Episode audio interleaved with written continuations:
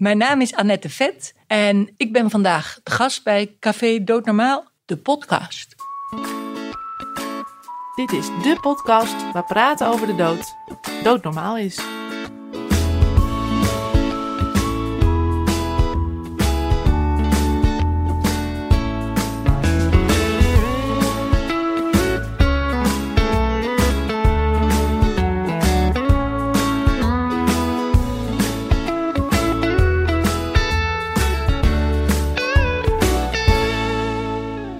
Vanuit een warm NVVE-kantoor heet ik je welkom bij weer een nieuwe aflevering van Café Doodnormaal, de podcast. Mijn naam is Gerard Ekelmans en tegenover mij zit zoals altijd Sebastian Hattink. We hebben het in de vorige aflevering wel eens gehad over mensen die zelf de regie willen houden en niet afhankelijk willen zijn van de beslissing van een arts als het gaat om hun levenseinde. In deze aflevering spreken we over het indrukwekkende verhaal van Maarten en Mieke Vet, die op 10 januari 2021 zijn overleden. Ze hadden afgesproken om samen uit het leven te stappen. Vandaag schuift hun dochter Annette Vet aan om het verhaal over haar ouders te vertellen. Annette, welkom. Dankjewel. Annette, kan je ons eens meenemen in het verhaal van je ouders? Het verhaal van mijn ouders, ja, waar begint dat? Eh, dat begint eigenlijk in 1933 en 1935, hè? toen zijn ze geboren. Maar dat bedoel je natuurlijk toch niet helemaal. Uh, maar het begint denk ik wel nou ja, 25, 30 jaar geleden. Uh, mijn ouders zijn allebei Delfts ingenieur. En dat zeg ik er altijd bij, omdat het geeft een beetje richting aan de manier waarop ze denken. Het waren heel planmatige mensen, hadden alles georganiseerd, denken over de dingen na en wachten niet tot morgen, maar als het vandaag kan, doen ze het vandaag. Er worden lijstjes gemaakt van dingen, er wordt georganiseerd en, er wordt plezier gemaakt. Dat is uh, niet onbelangrijk. En een bijdrage geleverd aan de samenleving. Dat is ook belangrijk. En ze hebben meegemaakt dat uh, de moeder van mijn moeder, dus mijn oma, dementeerde. Hetgeen ze absoluut niet wenste. Maar die heeft wel de, zeg maar, de beker helemaal leeg moeten drinken. En dat was in beider ogen een gruwel. Om uh, moeder of schoonmoeder zo uh, te zien lijden. En toen hebben ze uh, hardop uitgesproken dat zij dat absoluut niet zouden willen. En ik weet niet precies wanneer ze van de NVVE lid geworden zijn, maar ik gok niet dat ze dat heel recent gedaan hebben. Dus dat is al heel lang. En omdat ze planmatige mensen waren, uh, bespraken ze die wens ook uh, elk jaar met hun huisarts. En toen de huisarts met pensioen ging, waren zij de eerste patiënten bij de nieuwe huisarts om even te weten hoe zit jij in de wedstrijd. Want anders moeten we op zoek naar een ander. Typisch mijn ouders. Het is, uh, ging op een gegeven moment zelfs zo ver dat ze een MRI van hun hersens hebben laten maken. Met de idee dat ze daar misschien een soort grafiek van zouden kunnen maken. Dus dat er enige voorspelbare waarde in zou zitten. Dat ze konden weten dat er een soort optimum te bepalen was wanneer het gevaarlijk ging worden. Daar moest ik uh, mijn vader nog even aan herinneren. Maar dat was echt een beetje zeg maar, in het begin toen ze hierover aan nadenken waren. Ze zouden mijn ouders niet zijn geweest als ze zich er ook niet in verdiepten. Stel je nou voor uh, dat het niet ondraaglijk lijden is, maar dat je dat zelf kan bepalen, wat eigenlijk hun wens was. Uh, dus het was natuurlijk twee sporen. Stel, we kunnen het niet zelf beslissen. Dan hebben we in ieder geval alles in stelling om geholpen te worden. Maar eigenlijk in hun hoofd was het, als het momentum daar is, willen we het uh, graag voor zijn. En dus moeten we zelf handelen. Dus de zelfbeschikking ook daadwerkelijk uitvoeren. En ook niet een ander daarmee belasten. En dat betekende dat mijn vader had de nodige boekjes. Die zullen hier ongetwijfeld bekend zijn. En is ook op zoek gegaan naar de medicamenten dat heeft zich heel erg afgespeeld buiten uh, mijn zus en mij. Dat hebben zij gewoon zelf gedaan. Het enige wat ik me daar wel van herinner is dat ik met mijn man op een gegeven moment in Madrid was en een telefoontje, appje, sms'je, ik weet niet wat het toen was, kreeg. Wil jij nog eens kijken of ze puntje, puntje, puntje daar nog vrij verkrijgbaar hebben? Dat herinner ik me ook nog wel eens van België. En wij, wij deden dat gewoon. En ik geloof niet dat ik ooit iets voor ze gescoord heb hoor. Maar, dus ik denk dat ze het eigenlijk helemaal zelf gedaan hebben. En wij wisten dus dat dat thuis lag en, en het werd verzameld. Dus het, het ging in diverse dozen. Dus er was op een gegeven moment box 1, box 2, box 3. Die stonden ook gewoon in de kast in de badkamer. En uh, met de boekjes erbij en de instructie erbij. En uh, dat was gewoon zo. En dus ja, ik denk dat dat, zeg maar, als je vraag is: wat is het verhaal van je ouders? Dan is het. Uh, zij waren voorbereid en het was in ons gezin iets normaals. Dus hun wens was normaal bekend. Er werd af en toe over gesproken. Er werden zeker grappen over gemaakt.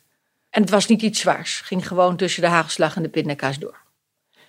En er is alleen één moment geweest, en ik herinner mij lang niet meer wanneer dat was, maar misschien wel twintig jaar geleden, dat mijn vader op een moment tegen mij zei: Ja, dan vind je ons, eh, hè, dan, eh, dan hebben we het gedaan.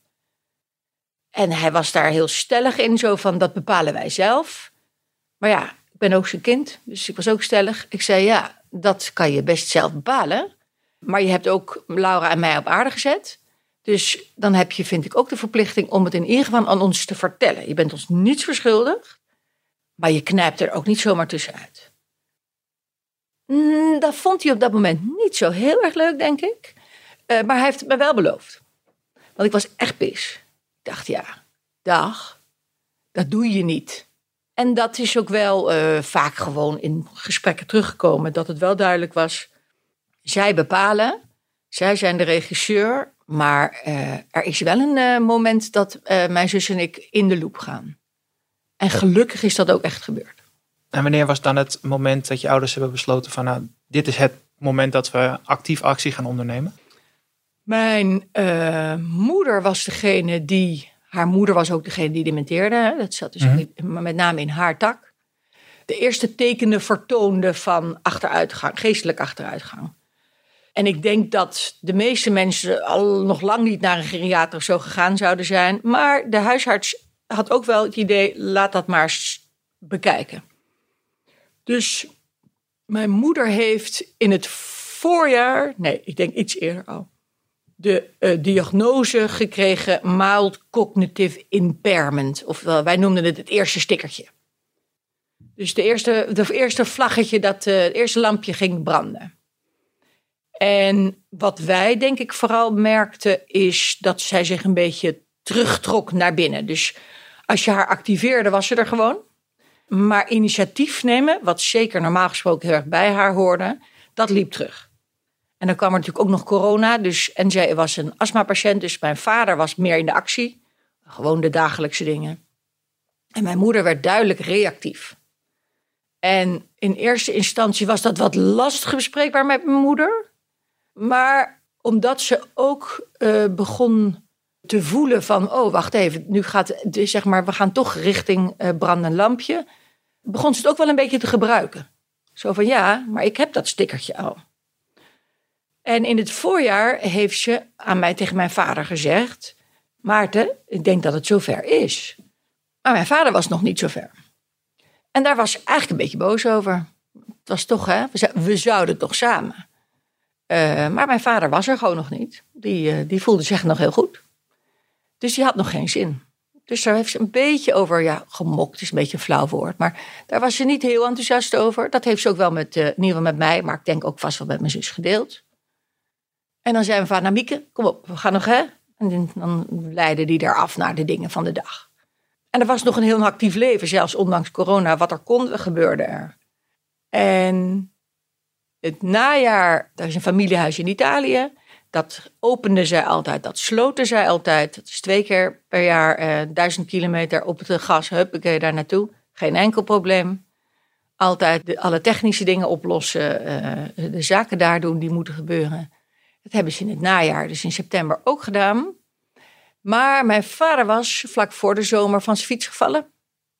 En daar, nou ja, we denken wel eens iemand heeft hem een duwtje gegeven. Want daarmee haalde hij in ieder geval een heel deel mijn moeder weer in. Want hij heeft ook een hersenschudding opgelopen. Zijn been was bont en blauw. En vanaf dat moment liep hij ook slecht. En vond hij dat zijn hoofd het ook minder goed deed. Dus ik denk dat hij klap hem wel uh, een klapje gegeven heeft. En in Italië was er voor mijn moeder het daadwerkelijke lampje wat ging branden. Toen hij niet meer in staat was om te lopen vanuit het dorpje naar het huis. De afstand die je altijd kuierde, die kon hij niet meer lopen. En toen heeft zij in de auto terug, is bij haar zeg maar uh, het besluit gekomen van wacht even, mijn supportsysteem, en dat wist ze heel goed, dat hij veel meer deed dan zij, begint nu te wankelen, dus nu wordt het echt gevaarlijk.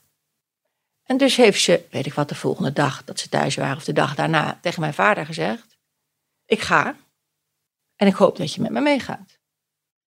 En daar is hij ja, van geschrokken, weet ik niet, maar hij heeft altijd gedacht dat hij het initiatief zou nemen. Heeft hij ook altijd gezegd. Je moeder gaat het niet doen. Dus ik vond het ook wel een soort van triomf voor mijn moeder. Dat zij uiteindelijk toch degene was die zei: Het is zover. Wij waren daar natuurlijk niet bij, maar ik denk dat hij zich heel snel heeft aangesloten. Je hebt helemaal gelijk. En ik heb hem ook wel eens horen zeggen: Ja, jij hebt dan het stickertje, maar ik denk, als ik heel eerlijk ben, dat dat stickertje inmiddels ook wel eh, mijn kant op uh, hoort te komen. Nou ja, en dan uh, gaan ze in de actie, want dat is wat ze doen. En dat betekent dat ze de NVE gebeld hebben en dat er een consulent geweest is bij ze thuis om plan te maken. Dus dat hebben ze gedaan. En een van de adviezen was om het uh, aan ons uh, drie weken voor de datum te vertellen. En gelukkig is dat niet gebeurd. Want ik lunchte bij ze, denk de volgende dag, dat weet ik niet precies. En omdat het altijd een onderwerp was wat wel ergens langskwam, kwam het ter sprake. En hoe, dat weet ik zelf al lang niet meer. Maar het lag zo op tafel. En ze schrokken er allebei enorm van, want het was niet hun plan. Dus dat was wel een geestig, soort van geestig moment. Dus we hebben het erover gehad. Ik ben weggereden. En oh ja, en dan was de tekst was, uh, vertel het niet aan je zus. Ja. Dus ik zei op dat moment, uh, uh, dat is goed. Het was een beetje, je hebt een geheimpje ontdekt. sorry, maar hou nog even je mond. Sinterklaas bestaat niet. Ik heb op de, bij de bushalte staan huilen in de auto. Ben naar huis gegaan. En was er al snel, vrij snel achter, dat kan niet. Ik kan, het niet, ik kan dat niet weten en mijn zus niet. Dus ik heb de volgende dag gebeld. Uh, ik kom. En toen wisten ze ook al lang waarvoor ik zou komen. Dus uh, ik was er weer. En we moeten het zeker ook aan Laura vertellen.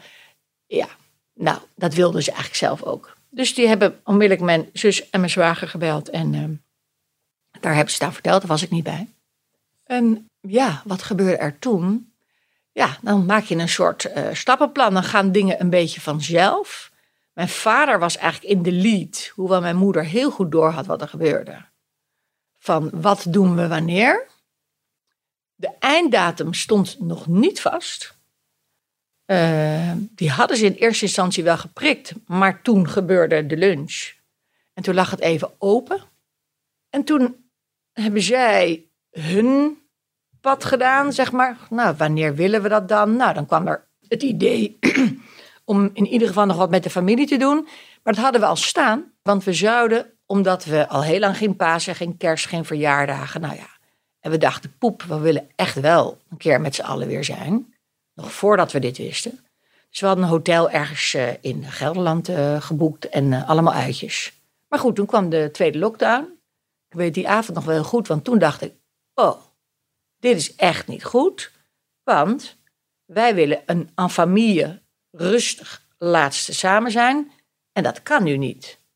Dus uh, ik denk dat Laura en ik allebei die avond uh, het hele internet afgestruind hebben. En ik in mijn hoofd zat, nou dan moeten we maar een groepsaccommodatie huren. Iets groots, waar we bij elkaar kunnen zijn. Op een, toch op een soort van veilige manier. En gelukkig waren er twee hele aardige dames met een prachtige accommodatie in uh, Kuik bij Nijmegen. Die heb ik ook nog gesproken, want die dachten, ja wat is dit? Dit is corona, dat kan niet. Uitgelegd, gewoon kaart op tafel. We waren van harte welkom. De kerstboom brandde, de, de kaarsjes stonden aan toen we kwamen. Toen hebben we ons allemaal braaf getest van tevoren. Want daar zitten ook al twee studenten bij. Nou, die zijn natuurlijk niet zo heel braaf. En ook scholieren die ik heb. Uh... Dus, maar iedereen was gelukkig negatief. En toen hebben we daar vier dagen met z'n allen doorgebracht. Heeft mijn moeder op de eerste dag verteld aan de kleinkinderen wat er ging gebeuren. Nou, dat was natuurlijk een hele droeve toestand. En vooral mijn jongste dochter uitte, zeg maar, dat ze, ze zei volgens mij, ik begrijp het een heel klein beetje, maar het grootste deel niet. Maar ja, wat wil je? Dat, ja, dat begrepen mijn ouders ook heel goed. Dat het ook heel moeilijk te begrijpen is als je 18 bent. Toen nog 17. Er werden wel de nodige vragen gesteld. En we hebben vier hele mooie, intense dagen gehad met elkaar. Dus uh, gekookt en soms werd er gekookt en uh, gefietst. Het was ongelooflijk pokkenweer. Maar mijn ouders zijn mijn ouders, dus fietsen waren mee. De driewieler van mijn moeder, de elektrische fiets van mijn vader, regenpak aan en uh, naar de Mokerheide. Dus dat was, ja, zo ging dat gewoon. Dat deden we. Je, je, gaat iets doen. Je gaat niet alleen maar niks doen. Dus je gaat iets doen. Ja, ik vond het hele fijne ook natuurlijk een beetje eh, surrealistische dagen. En het fijne is ook dat ik zeker weet dat zij ze ook niet hadden willen missen. Dus dat idee van die drie weken, die uiteindelijk dus drie maanden werd. Die drie maanden waren in ieder geval voor mij, maar ik weet ook voor mijn ouders, eh, eh, wel heel belangrijk. En ik heb later nog wel gesproken met de NVE over dat advies van die drie weken. En dat kwam vooral toch voort uit nou ja, dat niet te veel mensen het zouden moeten weten, omdat er dan zeg maar eh, weerstand zou kunnen ontstaan. En ehm, nou ja, dat dat ook uiteindelijk bezwaarlijk zou zijn voor mijn ouders. Ik begrijp dat wel, maar ja, mijn nuancering daarbij is toch dat het toch echt afhangt van de situatie. Want ik had drie weken echt afschuwelijk gevonden.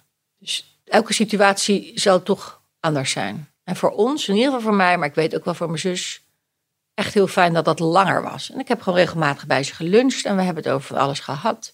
Ik heb een mailwisseling gestart met mijn vader over het leven. Dus uh, nou ja, als het je gegeven is, doe het ietsje langer. In ieder geval, voor ons werkte dat heel fijn. Ze, ze waren er al heel vroeg bij om over te beginnen met praten. Je opschreef net 30 jaar geleden, zo, Ja. zoiets. Ja. Ja. Hebben ze het ook meteen met jou besproken? Mhm. Of, ja? En, en dan krijg je te horen dat het moment zover is, dat ze dat besluit hebben genomen. Had je nog tijd nodig voor acceptatie of was hij er gewoon? Nee, die was er heel erg. Omdat ik denk dat ze het optimale punt hebben gevonden. Dus ik heb er nooit aan getwijfeld. Ik heb nooit gedacht, je moet het niet doen. Ik heb er nog met mijn zus over gehad. En die heeft dat ook niet gehad. Wij denken ook achteraf dat ze echt het goede moment hebben gekozen. En het goede moment zit er misschien ook wel in dat ze. Er was gewoon angst voor aftakeling. En ze begonnen dat allebei te voelen. Als je dat echt voelt, dan is dat echt onprettig.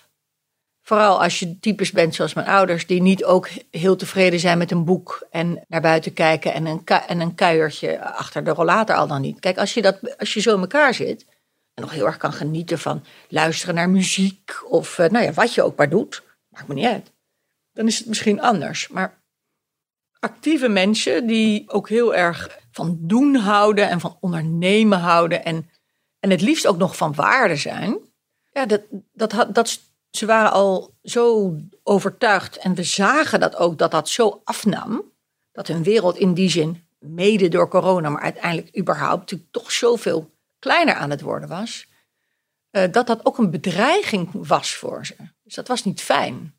Dus het was niet van, goh, nog één keer kerst of nog. eh, het was meer, we hebben heel veel mooie kersten gehad.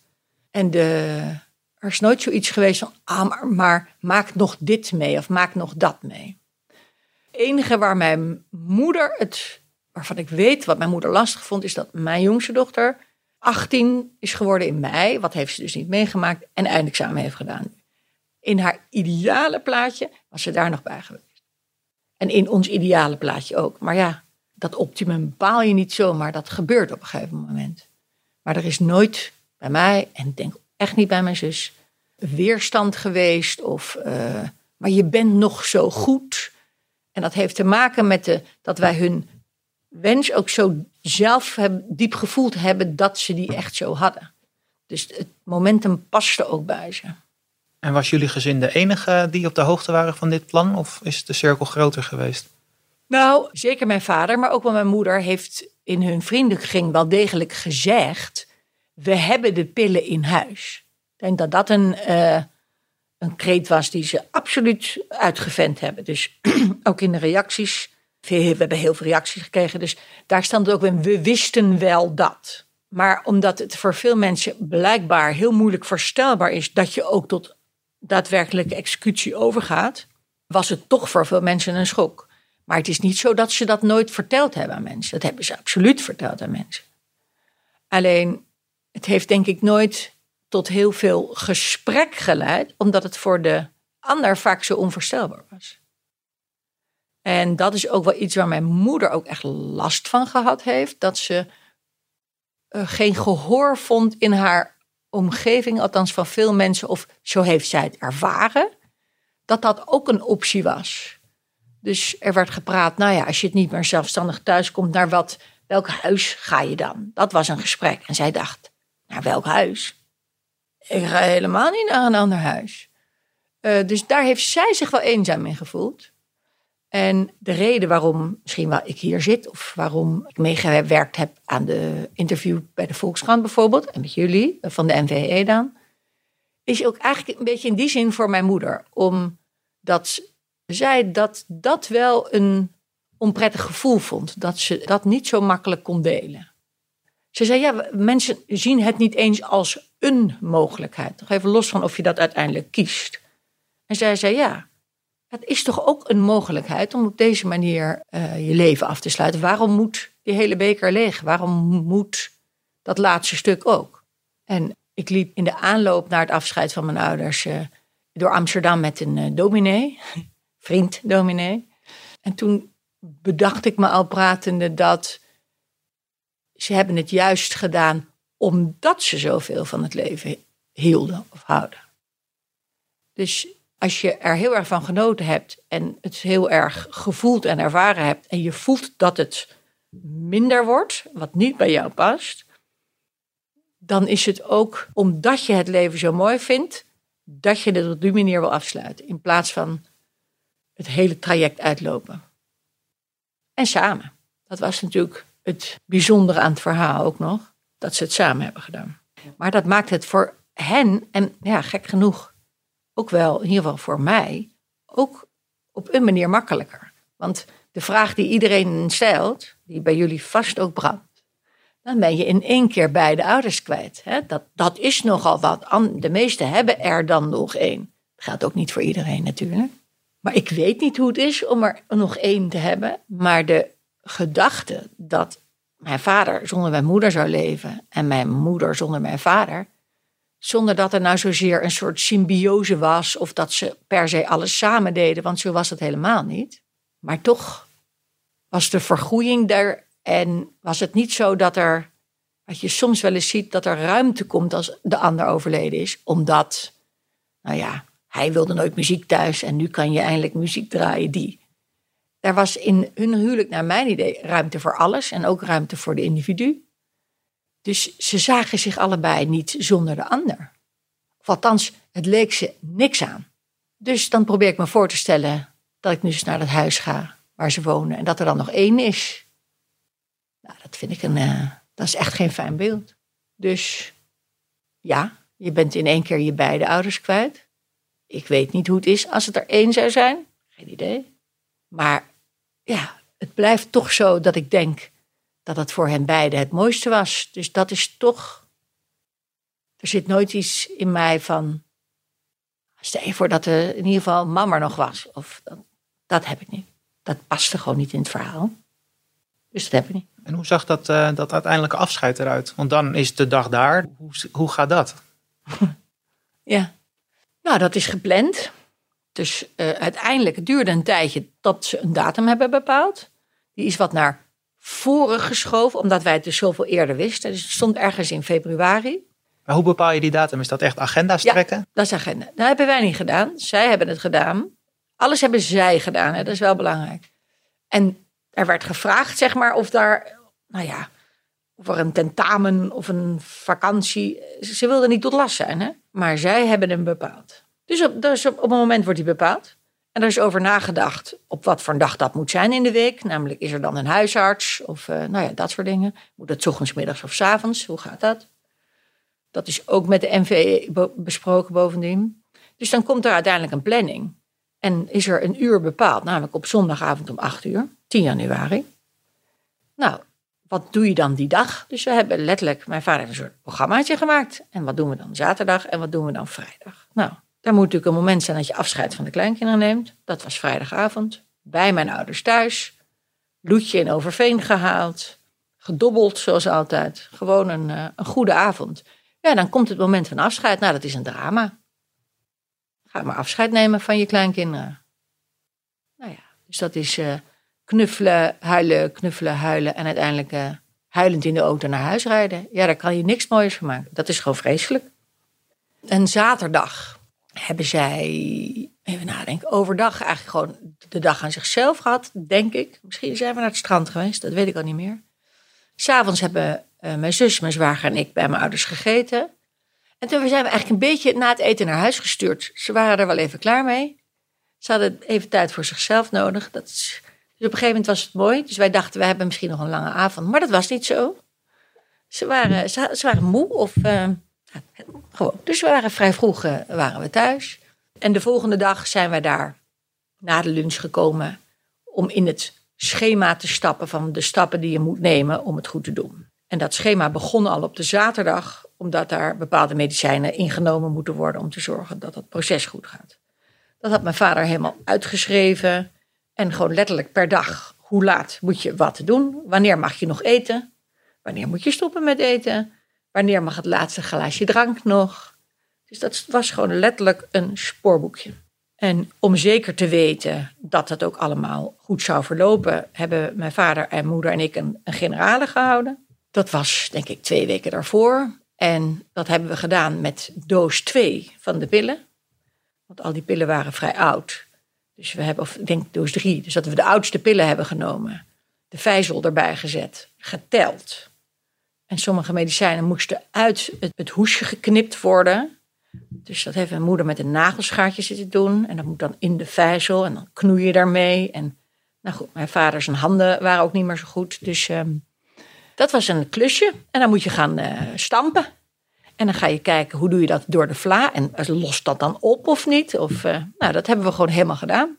En dat hebben we rustig op een middag zitten doen. Zitten tellen. En tot en met de vla aan toe. En toen natuurlijk de grap gemaakt, nou wie neemt de eerste hap? Dat hebben we allemaal niet gedaan. En uh, we hebben het netjes weggegooid. En toen wisten we zeg maar hoe dat eruit zag, hoe groot dat dan was. En het ging in de details van, eh, de waarschuwing was dat het heel vies was. En omdat de medicijnen wat verouderd waren en dus de werking ietsje minder, moest er dus meer genomen worden. Dus het was wel echt een bakvla wat ze moesten eten. Dus de een wilde er siroop doorheen en de ander wilde er suiker doorheen. En mijn zusje die had uh, nog zelfs knijpertjes uh, van de tijd dat haar kinderen in de luiers waren en zij daar niet zo goed tegen kon, voor op de neus. Dus die knijpertjes erbij, dus die hadden zij op hun neus. Allemaal om te zorgen dat ze dat vieze goedje zeg maar, zo goed mogelijk naar binnen kregen. Want, uh, hoewel we natuurlijk veel grappen over gemaakt hebben, was de grote angst, waren natuurlijk twee angsten. Eén is, je krijgt het niet op tijd naar binnen. En als je het niet op tijd naar binnen krijgt, dan ben je bang dat je dus al in slaap valt dan gaat het niet goed. En de andere angst is natuurlijk dat het niet werkt. Nou, die eerste angst konden we nou ja, ook niet helemaal ondervangen, want je kunt het niet oefenen. Maar wel dus zorgen dat, hoe krijg je het dan zo goed mogelijk? Dus we hebben het bijvoorbeeld koud gezet, want koud proef je minder. Dus over dat soort dingen hebben we allemaal nagedacht en gepraat met elkaar. En dus de een, nee, suiker, nee, ik wil geen suiker. En nou goed, dan neem ik siroop. Begrijp je zo? Dus dat werd gewoon in de keuken. Ik heb er ook foto's en filmpjes van en zo. Dus wat er aan voorbereiding kon gebeuren, dat gebeurde. Alleen het allerlaatste deel, dat kan je niet doen. En dat is ook hetgene wat uh, ik mijn vader zo gegund had. Want dit was natuurlijk zijn, dit was heel erg zijn project. Heb mijn moeder letten wel op, maar hij was in de actie. En uh, hij hield er heel erg van als het af was. Dus dat laatste vinkje, zeg maar, hè, dat is, uh, het is een beetje zoals in een film, vind ik. Dat laatste vinkje had ik hem nog graag laten zien, zeg maar. Maar ja, dat, dat is niet gelukt. Dus alles gedaan om te zorgen dat het de kans van slagen zo groot mogelijk was. En er zat dus echt wel een marge in die medicijnen. En dat het voor ons zeg maar zo min mogelijk belastend was. Dus ik heb ook zelf contact met de NVE gehad. Ik ben ook al 100 jaar lid. En heb dus een ander gesprek gehad dan mijn ouders hebben gehad. En het was dezelfde persoon waar we mee spraken. En wij wisselden dat ook uit, mijn vader en ik. Dus uh, dat was ook heel grappig. Dus ik heb ook op een gegeven moment tegen gezegd: Goh, ik begrijp dat jij uh, vindt dat het heel makkelijk is, die pillen stampen. Ik zei, nou, zo makkelijk was dat helemaal niet. Nou, ja, ja, ja. Die een beetje het opscheppen. En dus het traject van wat daarna, dat heb ik dus met de NVE gedaan. Ik ben naar mijn eigen huisarts gegaan. Ik heb het uh, aan een aantal mensen verteld, gewoon voor mezelf. En een aantal deelde ik met ze. Zoals bijvoorbeeld, doe niet je nette pak aan, hè, de beroemde valkuil. Want dat wordt daarna opengeknipt. Dus ze hadden keurig een pyjama met knoopjes aangedaan. Waar de Volkskrant ook een mooie illustratie van had gemaakt bij dat uh, interview. Dus wat zij konden doen om het voor ons minder bezwaarlijk te maken, dat hebben ze gedaan. En verder die dag hebben we dus op de zondag op de afgesproken tijd de medicijnen klaargemaakt. En dan we betekent, wij zitten erbij, mijn zusje filmt. En ik bespreek en mijn ouders zitten te klieren en te stampen en te doen. En in de vlaat te horen. En op een gegeven moment is het klaar. En hebben we eh, de bewijstafel gemaakt die er moest zijn met alle boekjes en mijn hele vaders dossier van, uh, weet ik wat, 30 jaar en vrijwaringsverklaringen. Nou, denk dat de meeste luisteraars daar inmiddels wel bekend mee zijn wat je allemaal nodig hebt dan. En toen was er nog tijd. Nou, dan moet je iets doen bij mijn ouders. Dus toen zijn we naar het strand gegaan. Dus we zijn naar het strand gelopen. Toen waren we terug. Toen uh, heb ik mooie muziek voor mijn, vooral voor mijn vader opgezet, die een beetje een dutje deed in zijn stoel. Een kopje thee. Mijn moeder zat aan haar Wordfeud spelletje op haar iPad, een beetje in zichzelf teruggetrokken. En op een gegeven moment is alles gezegd en gedaan. Hè? En ik wist al hoe het zou gaan. Namelijk dat we de acht uur niet zouden halen. Want we zijn natuurlijk van de vroege en niet van de late. Dus er was een moment en ik wist, dan is het ongeduld daar. Dan wil hij het gedaan hebben. Dus het werd ook niet acht uur, het werd zeven uur. Ja, en ja, dat moment toen, en dat is het heftigste moment voor ons eigenlijk geweest, is zeg maar dat mijn vader afscheid nam van mijn moeder. En we hadden ook de eh, hele regie in van we nemen afscheid in de woonkamer. En als we naar de slaapkamer gaan, dan gaan we, is er geen hè, geen ruimte meer voor afscheid. Want dan moet het gebeuren wat er moet gebeuren. En dat vraagt aandacht. En, en uh, dan moet je uh, scherp zijn. Dus we hadden dat ook besproken hoe we dat zouden doen. Dat soort dingen kwamen dan van mijn kant. En dat vonden ze helemaal goed. Maar dat afscheid in de woonkamer, daar nam dus mijn vader als eerste afscheid van mijn moeder. Ja, dat is een heftige. En omdat we die niet, ik had hem niet voorzien. Dus die sloeg er bij mijn zussen en mij in echt als een bom. En daardoor weet ik eigenlijk, zeg maar, mijn eigen afscheid van mijn eigen ouders, weet ik eigenlijk niet meer zo heel goed. Ik bedoel, het is gewoon een hele dikke knuffel geweest. En daarna zijn ze naar de slaapkamer gegaan. Hebben we ze nog uh, een beetje samen horen pruttelen, pyjamaatje aandoen. En um, nou ja, wellicht voor de luisteraar een raar detail, maar ze hebben in zoverre ook aan ons gedacht dat ze hebben een luier aangetrokken. Want ze, hadden, uh, ze dachten, ja, dan zitten zij met uh, de troep. En toen hoorde ik mijn vader tegen mijn moeder zeggen: Ja, Mieke, dit is nou precies de reden waarom we dit doen. Want dit is één keer en nooit weer. Want ik ga echt nooit. Dus dat was natuurlijk een heel mooi, vond ik een prachtig moment dat wij dat ook hoorden. Ik zag hem lopen en ik dacht: Ja, nee, dat, is ook, dat past ook niet bij jou. En ik had met mijn moeder geoefend hoe dat in bed moet. Dus uh, de bedden omhoog gezet, zo'n rugleuning die omhoog kan. Dan zit je als oud mensje toch niet zo lekker. Nog, hè, dan zit je niet echt lekker om dus een bakje vla naar binnen te werken. Dus kussentjes in de rug gedaan, dat ze echt goed zaten. Alles gezet, er zat alles goed. Netjes de blaadjes opgehaald uit de keuken, neergezet. Wij hebben daar alleen maar gezeten. Mijn zus heeft gefilmd, omdat dat nou eenmaal belangrijk is dat ze weten dat wij dat niet gedaan hebben. Dat vond ik ook, ik ook niet zo bezwaarlijk. Dat maakte mij niet zo uit. Verder hebben wij niet zoveel gezegd. Hebben ze die vla als een malle opgegeten. Daar zat ook zeg maar de wilskracht van dit willen wij ook heel erg in. En toen uh, daarna zei mijn vader tegen mijn moeder, vader was iets eerder klaar. Ze, nou, dat viel eigenlijk reuze mee. Nou, kussentjes uit de rug weggehaald, bed naar beneden gedaan. Nou, wij zaten daar en zij lagen daar. En eh, nou ja, dan gaat het, voel jij al iets, zeg maar. Nee, ik ben er nog. Nou zo. En na vijf minuten begon mijn vader onbedaarlijk te snurken. En ook een beetje te hoesten, dus ik schrok me toch even dood. Heb ik zijn bed toch een beetje omhoog gedaan. Ben naar mijn moeders kant gelopen, die had haar ogen nog open. En, uh, ze lagen daar hand in hand. En toen, uh, dat deed ik bij mijn kinderen. En dan aaide ik ze, als ze ging slapen, ze over hun neus van boven naar beneden. En dan vallen zo je ogen zo dicht. Dus dat heb ik bij mijn moeder ook gedaan. En toen vielen haar ogen dicht. Mijn vader bleef ongelooflijk snurken. Mijn moeder was helemaal stil. En na tien minuten zijn we weggegaan. Dat hadden we ook afgesproken.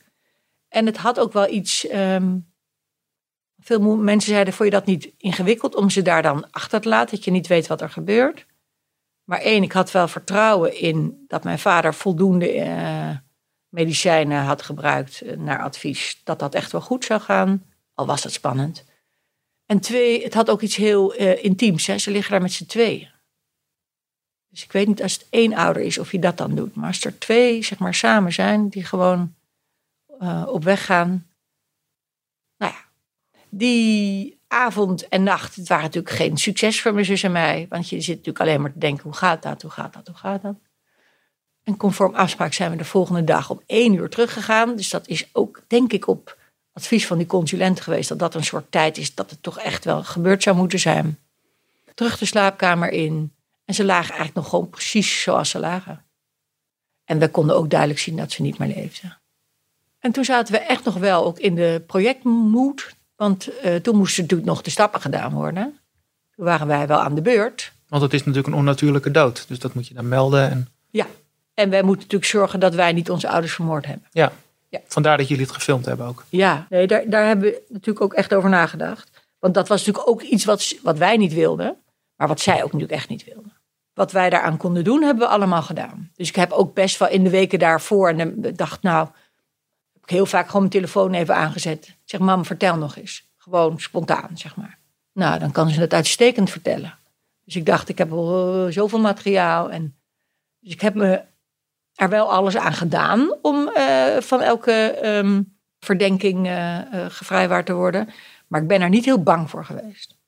In het hele proces ook niet. Bijvoorbeeld, je had ook kunnen denken: ik doe nog plastic handschoenen aan om dat bakje met de vla of zo. Ik bedoel, het was zo evident uit alles dat ik niet zo ver ben gegaan. We hebben het, bedoel, ze hebben het gewoon zo zeg, echt maar zelf gedaan. Dat... Maar goed, dan ben je dus de huisarts. En was de huisarts op de hoogte van dat dit ging plaatsvinden? Nou, dat hebben ze ook overlegd. En het advies was: vertel het wel, maar vertel niet precies wanneer. En de huisarts kwam en die is ja, ontzettend geschrokken. Terwijl ik ben al zo lang mee en ik dacht, die huisarts loopt ook al zo lang mee. Die is daar niet helemaal, ik bedoel, die, je bent er door aangedaan. Maar ik vond haar echt, ze was echt aangedaan. En ze vond het ook heel fijn dat ze niet wist wanneer het was. En dat is interessant, want zelf zou, ja, ik, had ik gedacht dat dat anders zou zijn. Dat, ja, waarom is dat dan zo erg dat je weet wanneer? Maar voor haar was dat toch echt heel fijn dat ze dat niet wist. Dus toen de politie kwam, vond zij het ook heel fijn om te kunnen zeggen tegen de politie: Ik wist dat niet. Toen ik dacht, ja, hoe erg is dat als je dat wel weet? Maar voor haar was dat toch echt van belang. Dus, nou ja, ik heb daar ook nog daarna met de NVEE over gesproken. Goh, hè, wat is nou eigenlijk dan het advies? En het advies is eigenlijk, het hangt heel erg van de relatie met die arts af. Dus in sommige situaties kan het van helemaal, van ongeveer van tijdstip, dat hij het al weet en dat, je, dat hij dan daarna ook komt tot vertel het niet. Dus dat hangt heel erg van de relatie af. Nou, dus ik denk dat dit de goede keuze was. En als de politie dan komt, komt hij dan echt met sirenes? We waren gewaarschuwd dat alles mogelijk was. Ze kwamen niet met de sirenes. Ik denk dat de huisarts misschien dat ook wel gevraagd heeft.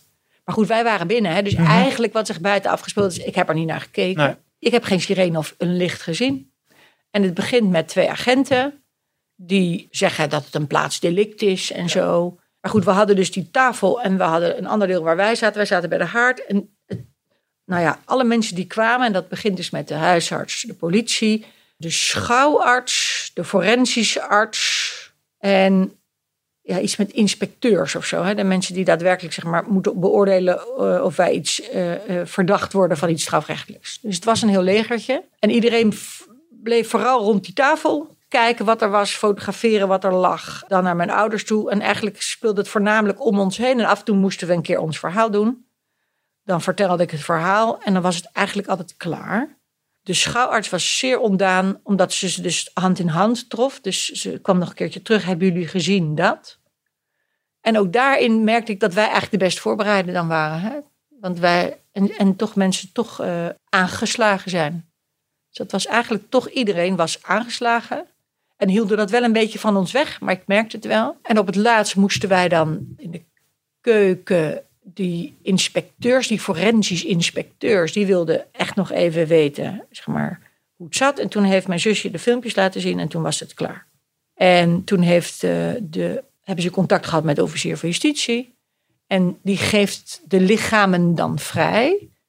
Ik heb toen nog gevraagd van ja, krijgen wij ook een soort bewijs van u wordt niet vervolgd? Dat krijg je niet. Dus je, je zou je er ongemakkelijk bij kunnen voelen dat ze misschien er nog op terugkomen of zo. Maar ik heb dat niet gehad. Maar ik dacht wel, hé, hey, eigenlijk begrijp ik het wel dat je dat niet krijgt. Dat krijgt niemand natuurlijk. Maar op zo'n moment had het wel, was het op zich wel fijn geweest. Maar dat krijg je gewoon niet. En ze zijn er ook nooit op teruggekomen? Nooit op teruggekomen. Ik heb ook nog gevraagd, is er dan een dossier? En daar, nou, of ik weet het niet meer, dat zou ook kunnen. Maar ik, ik heb er volgens mij niet een duidelijk antwoord op gekregen. Dacht, hangen we dan ergens of zo in een computer? Dat zal eigenlijk wel. Waar blijft die informatie dan? Ik weet het niet. Ik denk dat ze bij elkaar vijf of zes uur eh, bezig geweest zijn. En ze hebben dus mijn ouders ook onderzocht. En toen zeiden ze ook, het is fijner voor u als u op een andere plek in het huis gaat zitten, want we praten met elkaar en slaapkamer en woonkamer grenzen aan elkaar. Dus dat vond ik ook heel netjes, dat hebben we gedaan. Ze waren wel ontkleed daarna, daar waren we ook wel op voorbereid. Pyjamaatjes zeg maar netjes opgevouwen ernaast. Ik was gewoon blij dat dat klaar was. Maar het was niet, uh, ze hebben, we waren gewaarschuwd dat je als je pech hebt, zeg maar, je meegaat naar het bureau en uh, allebei apart verhoord wordt en zo. Dat is allemaal niet gebeurd vond iedereen heel respectvol en uh, die deed, ieder deed zijn werk, zeg maar. Ik merkte alleen wel dat dit doen ze niet dagelijks, dus het deed wel wat met mensen. Wij waren eigenlijk de rustigste. Misschien een beetje een gekke vraag, maar zou je het zelf op dezelfde manier kunnen? Nou, die vraag is me wel eerder gesteld. Ik ben er nog helemaal niet mee bezig. Dus hoewel NVE-lid, omdat ik het nou ja, een belangrijk iets vind dat dat soort dingen kunnen. Maar ik weet het niet. Ik ben er gewoon nog niet zo mee bezig geweest. Ik bedoel, ik ben ermee opgevoed, hè? dat mogen duidelijk zijn. Alleen, ik weet niet wat mijn situatie dan is. Ik ben wel door alles natuurlijk wat er nu gebeurd is en gesprekken die ik heb, uh, een eigen experiment gestart.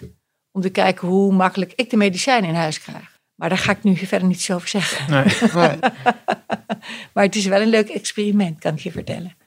Maar dat heb ik ook gedaan omdat ik wilde, hè, de, gezien de actualiteit en de discussie, uh, om een, proberen een mening te vormen. Want wat mijn ouders natuurlijk heel erg hadden is, het ging heel erg over zelfbeschikking. En we doen het zelf. En de actuele discussie gaat natuurlijk over, hè, heb, kan je daar ook hulp bij krijgen? In hoeverre zijn de medicijnen verkrijgbaar? Dat hoef ik jullie allemaal niet te vertellen. Maar als het kan zoals zij het gedaan hebben, vind ik dat als uh, vrije geest die gelooft in zelfbeschikking het allermooiste. Alleen dit waren wel goed voorbereide, uh, slimme, doordachte mensen. En dat, ja, dat, dat, het, maakt, het ligt niet voor iedereen voor de hand dat je het zo, zo kan doen, zeg maar. En de medicatie die zij nog wisten te krijgen, die krijg, kun je nu niet meer krijgen. Je moet het nu op een andere manier doen. Dus ik probeer vooral, zeg maar, een mening te vormen over wat ik vind van het huidige wetsvoorstel, wat ik vind van wel of niet vrij verkrijgbaar enzovoort. Maar terug naar je vraag, of ik het zelf zou kunnen. Ik denk van wel. Maar het is niet on top of mind bij mij. Ik heb mijn kinderen net het huis uit. Ik, ik heb nog uh, in ieder geval 30 jaar te gaan. Dus dan kan je zeggen, toen waren zij er al mee bezig. Maar ik ben er niet zo mee bezig. Maar ik ben wel met de materie bezig. Maar ik ben er niet voor mezelf. Het zou zeker een optie zijn. Maar uh, het zou altijd zoals iedereen graag wil, dat je op een dag misschien gewoon lekker niet meer wakker wordt. Het zou ook heel erg fijn zijn dat het niet hoeft. Maar ik heb er geen negatieve gevoelens bij. Helemaal niet. Ik vond het heel, ik bedoel, het hele verhaal is echt prachtig. En ben je al zover in je meningsvorming dat je iets kunt zeggen over wat je zou veranderen aan de huidige euthanasiepraktijk in Nederland? Nou, de, euthanasie, de euthanasiepraktijk eigenlijk niet. Behalve dat ik laatst naar jullie podcast luisterde dat je hier uh, die psychiater had zitten. Dus dat de psychiatrie, nou ik zou haast zeggen, zijn taak moet pakken die in de wet voor hem klaar ligt. En dus ook psychisch lijden eh, serieuzer moet nemen. En als er geen behandeling voor is, de verantwoordelijkheid zelf te nemen. Dat, dat lijkt me een hele mooie. Ik denk dat de praktijk op dit moment voor dementie in ieder geval wat langzaam zich wat uitkristalliseert. Dat er wat meer mogelijk is. Dat dat ingewikkeld is, dat begrijp ik heel erg goed. Maar ik ga elke week, bijna elke week, eerlijk zeggen, naar de zus van mijn vader, die dement is in een uh, verpleeghuis. Ontzettend veel bewondering voor de mensen die daar werken. Maar de situatie van het grootste deel van de bewoners daar, er is niemand in Nederland die daarvoor tekent. Helemaal niemand. En ik zelf verbaas me enorm over dat al deze mensen voor corona gevaccineerd werden. Dat hebben familieleden besloten. Wij hebben mijn tante niet gevaccineerd voor corona. Er heeft ongelooflijk corona uh, plaatsgevonden daar in huis. Iedereen om haar heen is ongeveer dood gegaan. Zij niet. Terwijl wij hadden haar niet een nare dood, maar wel uh, einde van haar leven gegund. Nou, misschien dat we daar nog verder stappen in zouden kunnen maken in die dementie. Maar goed, dan komen we natuurlijk aan de andere poot van het verhaal als er niet sprake is van ondraaglijk lijden.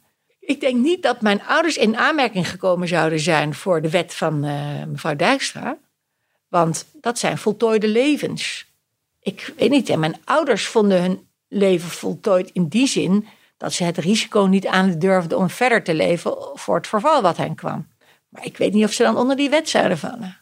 En de reden waarom ik mijn experimentje doe, is omdat ik zo graag hoop dat ik het toch relatief makkelijk kan krijgen. Denk, nou, dat is een prima hobbeltje. Laat iedereen maar zijn best doen. Maar als je het echt wil, dan kan je het wel vinden. Daar is wel iets goeds voor te zeggen. Maar ik weet niet of het helemaal realistisch is of veel mensen die dat, dat ook echt die weg gaan vinden. Ik heb mijn pad nog niet helemaal af. Dus misschien dat ik er ooit iets over wil zeggen, maar nu nog niet. Maar iemand hield mij laatst een spiegel voor. Ja, van uh, ja, ja, zelfbeschikking, dat kan niet iedereen. En in hoeverre zou het niet mogelijk zijn om toch een praktijk in te richten. Zoals we ook met euthanasie dachten dat het niet kon. Twintig jaar geleden dachten we dat ook. En dat is toch een hele genuanceerde, goed uh, opgetuigde praktijk geworden. Waarom zou dat ook niet kunnen, zeg maar, in de verstrekking van uh, de middelen om het zelf te doen? Nou, misschien moeten we die weg wel op. Al staat je natuurlijk ergens tegen de borst dat er toch iemand tussen zit die gaat bepalen wat je mag of niet. Maar zoals iedereen zegt, zegt, zeg ik natuurlijk ook, het kan natuurlijk ook niet bij de ethos liggen. Dat begrijp ik ook. Dus misschien zal het wel toch een dergelijke praktijk worden waar een soort van toetsing is of iemand het middel uh, zou kunnen krijgen. Hoewel ik voor mezelf hoop en ik een aardig eind op weg ben om te zorgen dat ik het zelf heb en dat ik dat niet nodig heb. Want, nou ja, de vrije geest in mij vindt ook dat ik daar dan, als het niet nodig is, een ander ook niet mee hoef te belasten. Dankjewel voor het delen van het verhaal van je ouders, van jouw verhaal. En uh, laat het ons vooral weten als je wat verder bent in je experiment. dat zal ik doen. Dank voor je komst ook. Dankjewel. Dit was het dan weer voor deze aflevering van Café Dood Normaal, de podcast. Volgende week zaterdag staat er weer een nieuwe aflevering voor je klaar in je favoriete podcast-app. Voor nu bedankt voor het luisteren en wil je nou geen aflevering missen, vergeet dan niet te abonneren. Dan krijg je automatisch een melding als er een nieuwe aflevering voor je klaar staat. En vond je het nou interessant om deze podcast te luisteren? Laat dan vooral een beoordeling achter. En mocht je nog vragen hebben naar aanleiding van deze podcast, dan kan je altijd mailen naar jongeren.nvve.nl.